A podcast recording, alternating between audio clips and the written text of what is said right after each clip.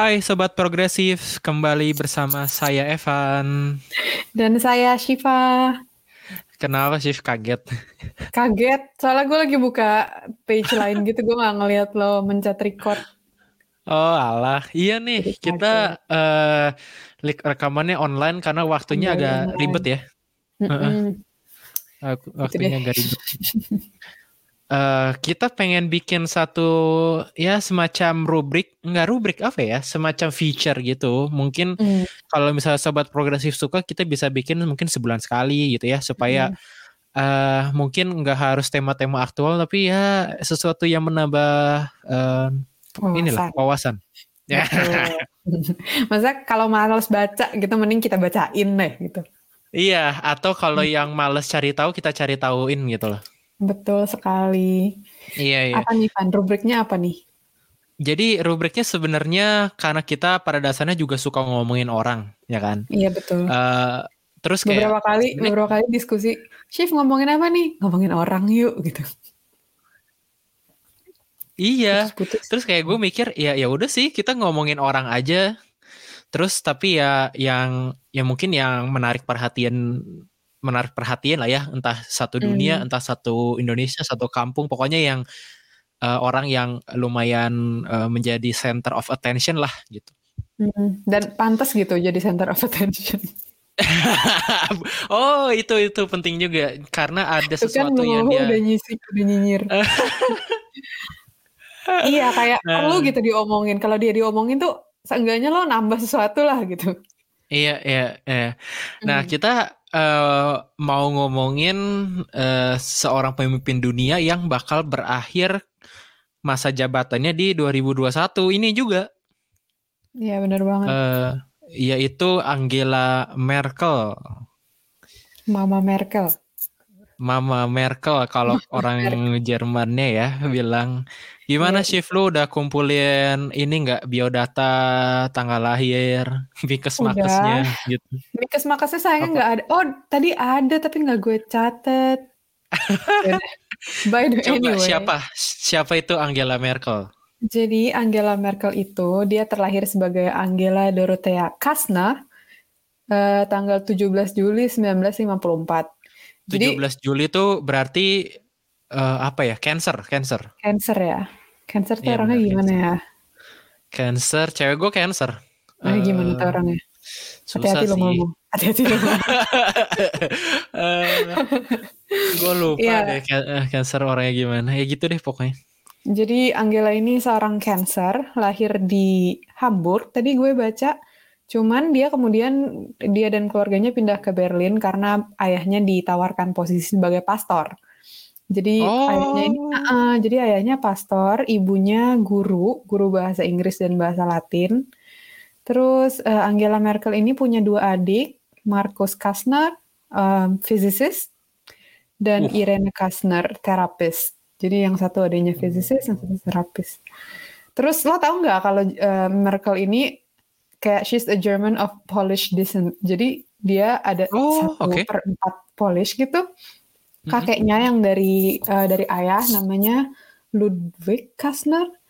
Jadi Ludwig Kastner ini dulu lahir dulu namanya Lud- Ludwig Kazmierczak. Gue nggak tahu gue, gue pernah susah ya yang ada yang ada Y J Iya, K iya. C gitu ya Terus kayak Z-nya ada sesuatu gitu di atasnya. Oh, iya, gue iya, nggak iya. tahu, gue nggak tahu baca gimana. Pokoknya itu. iya iya Dia nikah sama eh, wanita Jerman di Ber- orang Berlin dan akhirnya pindah ke Berlin dan akhirnya nama belakangnya diganti di Germanized gitu. Jadi Oh. Kastner jadi Ludwig Kastner jadi Angela jadi Angela Kastner gitu. Ini kalau di Indonesia berarti kayak Najwa Shihab ya? Bapaknya kan kiai ya kan? Ah, terus ada turunan dari luar gitu dari Arab ya kan? Kayak Ah. gitu berarti. Oh bisa bisa bisa bisa bisa. Bisa bisa. Terus terus? Tapi i- tapi nggak jarang loh ini kombinasi pastor dan guru by the way gue kenal beberapa orang yang ayah ibunya kayak gini. Gitu ya? Memang Iya. memang nature-nya gitu sih. Betul betul. Kayaknya kalau sesama yang kalem pengajar gitu memang. Terus terus? Bener bener terus terus terus? Terus em, yang menarik lagi educational background-nya kali ya. Jadi Angela ini dulu eh, kuliah di Universitas Leipzig, kuliah fisika Wah. tahun 1973 sampai 1978. Kemudian uh, dia jadi ada yang lucu nih ceritanya. Jadi dia ditawarin uh, asisten professorship gitu Hmm. uh, di sebuah gue lupa nama tempatnya apa, kayak organisasinya apa. Cuman dia itu harus ngelapor ke Ministry for State Security atau Stasi-nya um, apa namanya Jerman Timur. Jadi mata-mata gitu. Jadi Oke. kayak lo meneliti sesuatu terus lo kalau ada private information lo harus uh, kasih tahu si Ministry for Oh, kayak kayak apa i- lembaga riset tapi buat Hmm, mata-mata gitu. benar-benar kayak gitu. Hmm. Iya kayak gitu semacam itu. Cuman dia menolak soalnya dia pikir kayaknya gue gak bisa jaga rahasia deh. Lucu Ah, banget. ternyata orangnya orangnya bocor ya. Ternyata bocor gitu. Terus akhirnya dia um, jadi member of academic staff at the Central Institute of Physical Chemistry at the Academy of Science atau bahasa Jermannya Deutsche Akademie der Wissenschaften zu Berlin di Berlin. Nah, di Hmm. mana kemudian dia ketemu suami pertamanya. Suami pertamanya yang namanya Ulrich Merkel. Nah, Hmm. jadi Merkel ini tuh nama, nama nama suami pertamanya sebenarnya bukan nama lahir dia gitu. Oke. Mereka- oh, berarti jadi uh-uh. nama nama gadisnya tadi Kastner, terus udah Kastner. gitu ganti nama jadi Merkel. Mm-mm, jadi Angela Merkel, mereka menikah Hmm. waktu Merkel umur 23. Em, suami pertamanya ini juga em, orang fisika gitu, fisikis juga. Gile. Cuman setelah itu divorce setelah lima tahun, tapi nama dia akhirnya tetap jadi Merkel gitu, Angela Merkel. Kemudian setelah dia dapat em, doctorate di quantum chemistry, wow, apa Gila itu? sih. gila, gila. Apa ya itu? Iya. Abstrak banget. Iya, dia dapat doctorate eh, di quantum chemistry tahun 1986. Kemudian dia bergabung em, ke sebuah partai politik ya kayaknya ya. Namanya Demokratische Aufbruch atau Democratic Awakening.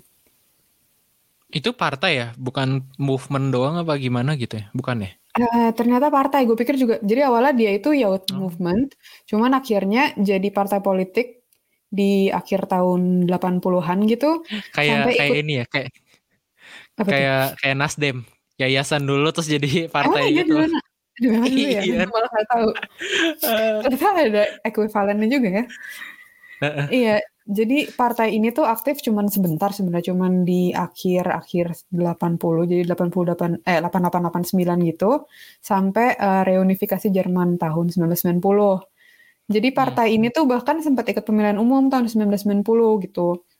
Cuman setelah em, adanya merger, eh merger apa sih namanya? merger emangnya emangnya Merger. perusahaan Emang merger. perusahaan sampai adanya reunifikasi Jerman ke Jerman Barat dan Jerman Timur akhirnya bersatu eh, si partai ini Demokratische Aufbruch ini bergabung sama eh, CDU apa namanya Christliche Christian Democratic Christian Union Democratic kalau bahasa Union. Inggrisnya. Heeh. ya yang Jerman Timur CDU Jerman Timur ya, tapi pada akhirnya merger juga gitu Iya, sama iya. CDU yang sekarang kita kenal gitu Mm-mm. Jadi itu jadi sejak tahun 90 dia mulai em, aktif menjadi member di CDU.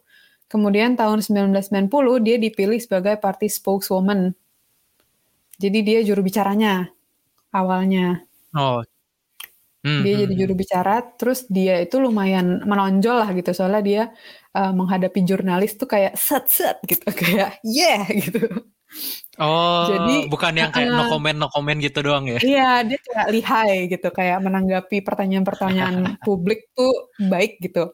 Akhirnya dia em, ikut election masuk Bundestag, masuk apa parlemen, kepilih, Iya, DPR. kepilih akhirnya Hmm. dia masuk. ah, dia setelah dia masuk Bundestag itu dia dipilih sama tadi siapa ya Eh, kanselir namanya Helmut Nih, Kohl. Helm- Helmut. Kohl.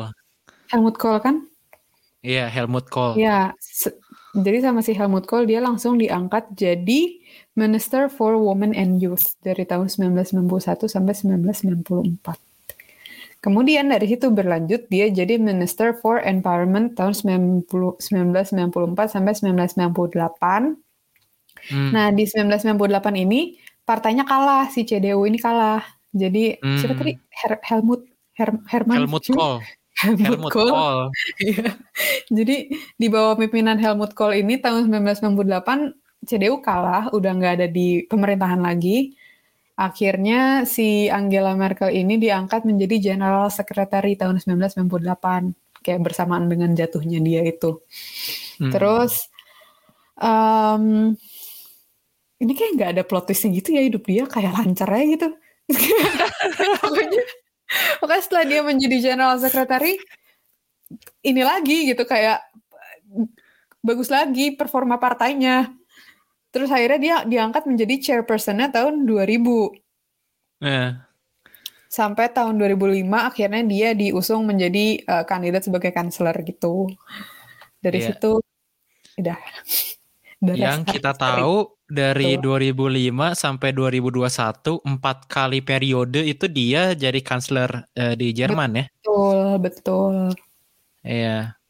Uh, nah, si Angela Merkel ini uh, apa ya menjadi perhatian dunia karena uh, sepak terjangnya yang uh, kalem gitu gimana ya kayak uh, gue baca satu di uh, DW kayaknya atau di mana hmm. uh, pas yang pandemi yang baru-baru ini sama Brexit katanya uh, jurnalis itu ngelihat kalau misalnya Angela Merkel masuk ruangan, satu ruangan itu hening ngeliatin Merkel tuh mau ngapain gitu. Kayak sebegitu karismatiknya uh, si Angela Merkel ini gitu.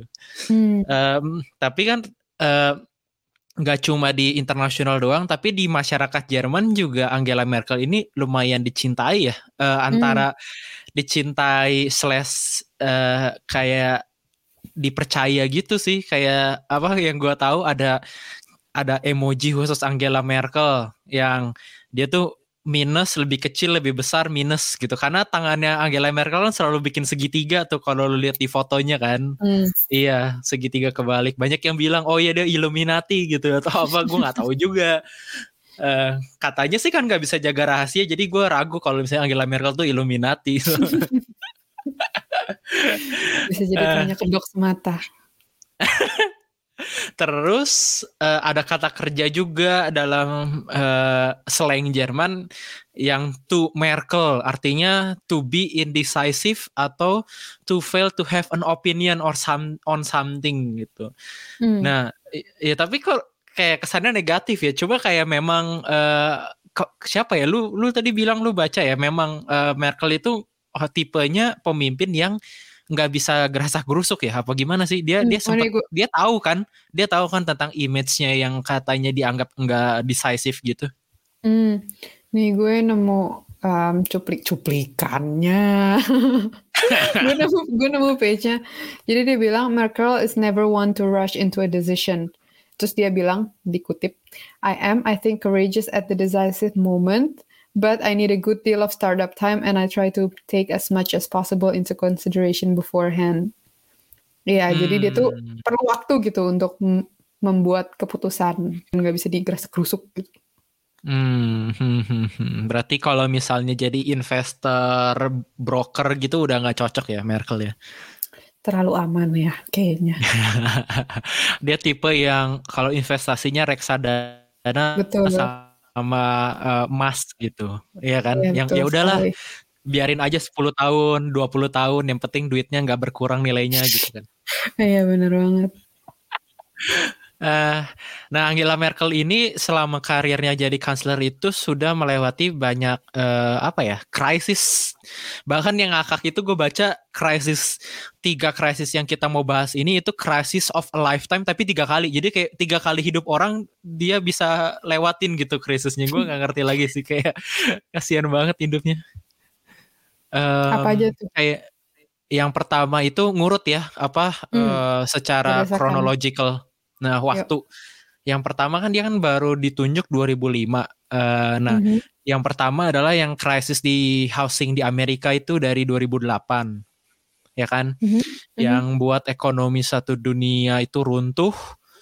Uh, banyak bank-bank di Amerika yang harus di bailout sama pemerintah Amerika dan akhirnya juga ternyata belakang-belakang ini imbasnya ketahuan banyak bank-bank Jerman juga yang memberikan kredit murah ke uh, orang Amerika untuk beli rumah gitu loh. Jadi kayak uh, krisisnya udah internasional lah. Mhm. Nah, parahnya itu 2008 setahu gua baru beberapa tahun ganti ke euro secara utuh gitu. Jadi kayak eh tahun 99 sampai 2002 itu masa transisi. Jadi kayak lu dalam satu negara lu bisa pakai dua mata uang kayak Deutsche Mark kalau mark mark Jerman sama em, Euro. euro gitu. Hmm. Nah, tapi mulai 2003 atau 2004 itu udah fully harus euro kan. Satu ada ada 11 negara awalnya sekarang kalau nggak salah udah 16 negara yang pakai euro. Nah, itu tuh masalahnya baru banget euro dan semua orang tuh skepsis dengan euro. Nah, ketika ada krisis yang kayak gitu kan berarti kan kalau secara ekonomi mata uang kan cuma bertahan kuat kalau misalnya ya negaranya kuat kan Mhm. eh, atau dipercaya. Nah, masalahnya kan kalau Eropa kan berdiri dari beberapa negara gitu. Nah, ya terus karena negara-negaranya timpang, ya masa ya jadinya keseret gitu. Kalau misalnya Hmm. Jerman bagus, tapi negara-negara yang lainnya kacau, ya jadinya hancur gitu nilai mata uang euronya. Makanya itu tuh lead to krisis yang di 2009-2010 yang pas Yunani ancur-ancuran gitu. Mungkin kalian pernah baca juga ya pokoknya yang Yunani itu apa eh, pokoknya hampir sampai nggak ada uang buat bayar apa pun sama sekali, bayar listrik nggak bisa, bayar eh apa, gaji pegawai semua nggak bisa lah pokoknya. Nah, eh, Merkel ini dia itu eh, mengedepankan konsolidasi gitu di antara negara-negara Eropa. Tadinya tuh udah mereka pengen ya udahlah kick aja gitu Yunaninya dia dia bikin nilai euro turun, bikin ekonomi kita turun gitu. Tapi eh instead of dia ngekick eh, Yunani eh, dia berhasil mengumpulkan berapa miliar eh, atau berapa ratus juta euro gitu untuk nge-support Yunani ini Hmm. gitu. Jadi akhirnya Yunani tentu harus punya apa ya, harus melakukan banyak PR gitu. Kayak lu harus cut budget pemerintah, lu harus kurangi eh, pengeluaran gak perlu gitu-gitu. Eh, nanti gua kasih bantuan duit. Dan pada akhirnya mulai 2013-14 itu eh, naik gitu nilai euro yang tadinya seingat gua 2012 itu 12 ribuan satu satu euro Terus 2015, so, gue inget soalnya gue tuh udah mau mau ke Jerman tuh 2014-15. Terus harga euro jadi 16 ribu karena lagi Hmm. kuat banget gitu. 2015. Ya udah terus kan lagi di puncak kan 2014 eh, ekonomi stabil, semuanya stabil. Datang krisis kedua yang kayak the, the worst in the century yang kedua. Padahal baru lewat lima tahun gitu. Mhm. Eh, yaitu krisis eh, pengungsi dari Afrika dan eh, Timur Tengah yang korban perang gitu mostly kan. Mhm. Nah itu juga eh, lumayan menjadi sorotan dan salah satu yang bikin popularity votes-nya Merkel turun adalah ketika dia dia bilang wir schaffen das atau bahasa Inggrisnya eh, bahasa Indonesia kita bisa melakukan itu dalam artian dia mau menerima refugee dari eh, membuka membuka open door untuk semua ref- refugee yang pada saat itu udah katastrof udah katastrofi gitu loh keadaannya Hmm. di Italia di Hungaria karena udah numpuk semua udah diblok udah nggak boleh masuk ke negara mana-mana sementara Eropa Barat kayak yang eh, Jerman Prancis Belanda gitu nggak mau nerima awalnya jadi Hmm. Sementara ya mereka di lapangan eh, gitu ya nggak tahu gitu mau makan apa sanitasi gimana banyak anak-anak banyak ibu-ibu eh, jadinya bikin krisis lah di negara-negara yang eh, lebih miskin kayak Yunani lagi Hungaria gitu kan Mhm. ya udah terus pas tahun 2015 kalau nggak salah atau 2014 sampai 2015 itu Merkel itu memasukin 250 ribu pengungsi dari Timur Tengah dan Afrika yaitu kurang lebih setengah dari Eropa Uni Eropa gitu Hmm. dan dia di situ mempertahankan gitu dengan alasan eh, ya ada yang lebih penting dibanding keamanan stabilitas yaitu kemanusiaan dia bilang gitu mm-hmm. uh, banyak yang nyangkut nyangkutin lagi sebenarnya ini kayak dalam artian untuk berusaha memperbaiki uh, citra Jerman kali ya di di dunia internasional yang ya 60 70 tahun lalu me, membu, meratakan atau melakukan genosida gitu kepada orang-orang uh, Yahudi pas perang dunia II kan. Mm-hmm. Jadi banyak yang bilang ini uh, upaya Jerman untuk memulihkan uh, citra. Reputasi ya citra hmm. bener. Nah dan ternyata berhasil gitu. Kayak sekarang kalau misalnya ditanya siapa world leader uh, jarang yang nyebut Amerika gitu. Apalagi setelah 2016 Trump kepilih itu ada yang uh, populer banget. Itu Obama nelpon Merkel. Katanya you are now the leader of liberal West. Gitu. Bukan bukan Donald Trump gitu Menarik sih, uh. ada di uh, page Wikipedia-nya Merkel kalau lo lihat uh, di paling atas banget kayak kalimat terakhir dari paragraf pertama. Merkel has been widely described as de facto leader of the European Union, the most powerful woman in the world, and by many commentators since 2016 as the leader of the free world. Exactly, itu hmm. yang yang yang disebut the leader of the free world semenjak jatuhnya um, bukan jatuhnya ya semenjak terpilihnya Trump dan menaiknya yang namanya populisme kanan ekstrem ya kan 2016 hmm. udah gitu ada Brexit juga ada uh, di Eropa Timur uh, di Polandia di Hungaria di uh, Italia juga gitu banyak uh, partai yang berkuasanya partai yang anti imigran dan anti pendatang kayak gitu loh jadi Jerman itu beneran kayak jaga kandangnya yang namanya kebebasan dan uh, dan apa ya nilai-nilai yang dijunjung sama liberal barat gitu. Dalam artian setiap orang punya kesempatan setiap orang harus diperlakukan sama kayak gitu-gitu. Nah uh, yang paling kentara adalah pas awal-awal pandemi uh, itu ya ini uh, krisis yang the one in 100 year yang ketiga dalam 15 tahun gitu.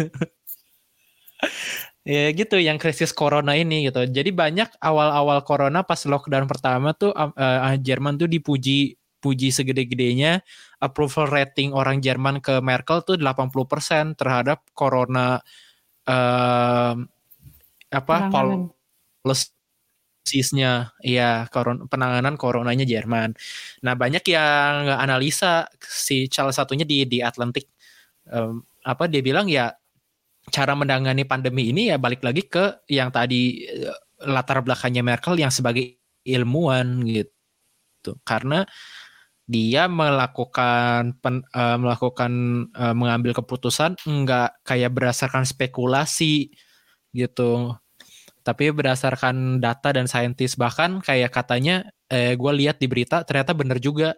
Si semenjak pertama kali Merkel itu muncul ke media untuk ngomongin corona si kepala Robert Koch Institute uh, Wheeler Profesor Wheeler itu udah langsung ditunjuk sebagai kepala penanganan corona gitu. Jadi dia secara secara terbuka menunjuk ya sekarang kalau misalnya menangani corona dia yang bertanggung jawab gitu dan yang, yang ditunjuk tuh bukan pengusaha bukan temannya bukan anaknya tapi kayak uh, memang orang yang expert di bidang epidemiologi dan uh, kesehatan masyarakat gitu jadi kayak hmm. kelihatan banget uh, yang tadi dibilang itu Merkel yang kelihatannya kayak agak indecisive yang perlu waktu lama justru malah tepat ketika Jerman menghadapi banyak krisis setelah uh, apa reunification itu. Jadi banyak yang bilang Merkel itu memang pemimpin yang cocok di masa krisis gitu. Walaupun ya banyak yang nggak setuju ya, banyak yang uh, misalnya kayak contohnya sekarang yang mengkritik kenapa um, imunisasi di Jerman lambat banget dibanding sama UK, US atau Israel kayak gitu karena Merkel terlalu percaya sama Uni Eropa misalnya atau gimana. Ya itu banyak lah kritik-kritiknya. Tapi yang paling penting adalah ya Merkel itu memang uh, once in a lifetime sih kayaknya kita nggak akan ketemu lagi women leader yang sekarismatik itu, yang se setenang itu yang terutama semodest itu sih. Karena banyak wartawan yang pernah nemu dia lagi belanja sepatu, lagi belanja uh, apa uh, ke supermarket itu kayak kita kita ya udah aja gitu maksudnya nggak ada nggak ada pas pampres yang gimana gimana tinggalnya di di bukan di rumah yang gede tapi di apartemen gitu sama sama suaminya. Ya um, salah satu uh, kalau nggak salah Guardian yang bilang kenapa Merkel itu bisa beda? Ya karena dia itu pada aslinya bukan politisi gitu. Dia memang pekerja aja. Dan yang paling membedakan dia itu nggak pernah ini nggak pernah terlalu banyak muncul di media. Dia muncul di media itu sesekali aja. Jadinya ketika orang uh, melihat Merkel di media orang langsung kayak uh Merkel ada di media gitu. Jadi kayak orang udah antisipasi gitu. Uh, bahwa ada yang oh ada yang penting nih Gitu hmm. sih apa cerita singkat Angela Merkel dari awal lahir sampai di penghujung karir jadi kanslerin di Jerman uh, ada gimana apa shift cukup nggak apa peng apa perangkuman apa gue yo? lumayan ya lumayan cukup ini gak? iya kita sudah men mencakup dari dia lahir dan sampai dia um, akhir-akhir ini gitu ya kayak bagaimana yeah. dia menangani krisis uh, corona pandemi. Dan, Kalau dan opini, dia juga gak punya Twitter. Iya benar. Ada Instagram uh. tapi Instagramnya juga cuman kayak uh, Bundeskanzlerin official gitu kayak bukan dia yeah. juga yang megang. Bukan. Jadi nggak yeah. ada nggak nggak ada cuitan-cuitan aneh gitu. Nggak ada coffee coffee gitu ya. Iya. nggak ada typo-typo gitu. Nggak ada isinya juga cuman kayak ya dia uh, hari itu Sambutan. ngomong apa, uh, lagi yeah, ngapain, yeah. misalkan lagi rapat sama siapa, hasil rapatnya yeah. apa, kayak gitu-gitu. Mm -hmm. Kalau opini lo pribadi gimana sih Van sama uh, Mama Merkel ini? Gue rasa kayak memang ada ada pemimpin yang tepat di waktu yang tepat sih. Hmm. Uh, gue rasa Merkel memang cocok untuk beberapa tahun ini karena melihat situasi ke belakang memang sangat-sangat uh, ini ya fluktuatif gitu. Banyak krisis one krisis itu another. Gue nggak mm -hmm. bisa kebayang kalau misalnya krisis itu dipimpin sama sosok yang karismatik dan uh, apa ya yang terutama yang impulsif gitu loh. Karena kalau misalnya impulsif nanti kayak misalnya yang gampang corona wah udah turun nih. Kayak kayak kan di Jerman udah turun nih. Tapi kan Merkel belum buka-buka dan semua orang sebel kan. Dan banyak orang yang punya toko tuh sebel. Tapi begitu kita lihat, oh iya ternyata sekarang kok pelan-pelan ternyata naik lagi ya kasusnya ya gitu. Jadi hmm. kayak hmm. gue nggak kebayang kalau misalnya pas awal-awal turun presidennya yang impulsif banget, nanti bakal nggak tahu mungkin bisa 100 ribu kasus gitu sehari. Jadi ya gue rasa Merkel cocok. Cuma untuk ke depannya kalau misalnya untuk transformasi bidang era digital atau ekonomi yang gimana-gimana, gue rasa memang perlu orang baru yang punya ide yang lebih ke depan dan uh, apa ya berani ngambil resiko sih karena Merkel ini memang sangat-sangat hati-hati banget gitu. Kalau lu gimana? Hmm, sama. Kesel ya. eh sama sih maksudnya gue juga sependapat gitu. Maksudnya untuk hal-hal yang gimana ya? Maksudnya krisis itu bener kata lo kalau misalkan yang krisis dia mengandalkan data dan gue sempet nonton ada satu kayak kayaknya dia pidat, bukan dia pidato sih dia lagi mimpin rapat rapat mingguan corona itu tau gak sih lo?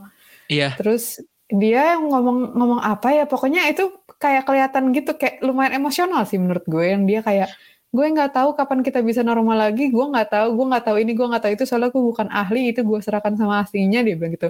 Cuman yang gue tahu kita bisa percaya adalah angka gitu. Terus gue kayak wah gitu. Jadi kayak kita cuma bisa percaya sama angka sama scientist dia bilang gitu. Kayak uh, kalau kita percaya sama mereka gue yakin ke depannya bakal lebih baik gitu. Maksudnya oh. iya sih untuk hal-hal kayak gitu menurut gue uh, approach-nya tepat gitu Cuman hmm. bener kata lo kalau untuk yang um, melihat ke arah jauh ke depan transformasi mungkin agak terlalu safe gitu. Uh, beberapa kali gue ngobrolin sama Mitbewohner gue yang orang-orang Jerman juga, mereka baca sering baca-baca juga tentang ternyata kayak tentang uh, perkembangan politik, teknologi gitu-gitu. Jadi banyak tuh kayak um, jadi Jerman ini risetnya banyak. Misalkan kayak yang hmm. vaksin COVID aja kan itu perusahaan Jerman kan si BioNTech yeah. itu ya iya. kan? mereka hmm. itu kayak uh, mau udah kayak risetnya udah bisa gimana ya ngomongnya kayak idenya banyak gitu cuman mereka kadang suka uh, kepentok di masalah perizinan atau um, hmm. duit gitu karena investor-investor yang di Jerman pun basically mereka kayak takut sama resiko gitu kayaknya itu gue gak mau gue gak mau bilang itu stereotip cuman kayak tapi iya sih gue rasa gitu ya? juga deh gue rasa memang, kayak memang generally orang-orang Jerman tuh terlalu safe gitu iya. mau kayak iya. maunya yang aman-aman aja gitu ya nggak salah sih cuman ini ternyata bisa menjadi um, halangan untuk maju ke depan yeah. gitu.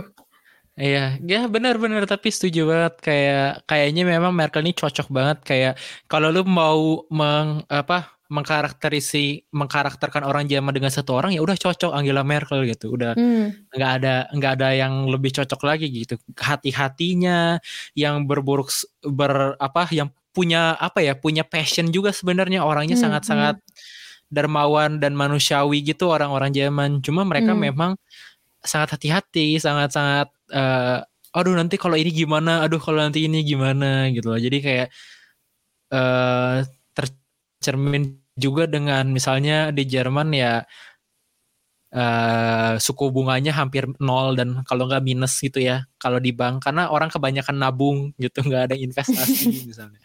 Itu kan di Jerman kan kayak gitu. Hmm. mungkin itu juga kali ya kenapa dia bisa ya. menjabat segitu, segitu lamanya Iya yeah. yeah, karena yeah, dia yeah, yeah. ya Jerman yang Jerman banget dan cocok gitu sama rakyatnya kayak rakyatnya pun hmm. merasa terrepresentasikan dengan yeah, figur seorang yeah. Mama Merkel gitu. Iya, makanya Menarik kan sih. disebut mamah juga kan, karena ya merasa. Hmm. Uh -uh. ya, itu dia episode pertama dari seri ngomongin orang kita, ya kan? Kalau misalnya sobat progresif suka, uh, kasih komentar gitu atau apa mm -hmm. uh, lewat Instagram boleh.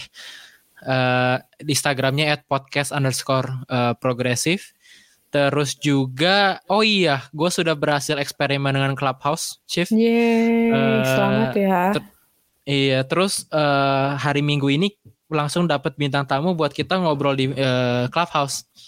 Siapa tuh? Uh, Mas Ar Arif Zulkifli dari Tempo yang waktu itu kita juga sempat rekaman bareng uh, di episode wah season 2 tahun lalu lah pokoknya Arif Zulkifli ketua pemberitaan Tempo gitu. Hmm. Kita mau bahas tentang apa jurnalisme yang mencari yang investigatif yang apa cari-cari data uh, misalnya ini orang ke mana ini duitnya ke mana kayak gitu gitu loh yang hmm. kayak kayak detektif lah kayak gitu hmm. terus pengen ngobrol-ngobrol aja terus kalau misalnya sobat progresif juga ada yang punya clubhouse uh, join ya nanti kita share aja di Insta Story apanya detailnya gitu Yup. sip segitu cukup 33 menit kayaknya menambah wawasan ya kan. Hmm. Uh, kalau gitu selamat menikmati akhir pekan atau hari biasa tergantung kalian dengernya kapan. Gua nggak tahu kalian iya, dengernya iya. kapan. Uh, gua segini aja, gua pamit. Gue juga ikut pamit. Selamat uh, menjalani aktivitas selanjutnya dan uh, tetap di bawah progresif aja. Dadah. Dadah.